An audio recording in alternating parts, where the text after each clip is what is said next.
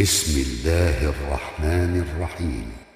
ألم تر كيف فعل ربك بأصحاب الفيل؟ ألم يجعل كيدهم في تضليل؟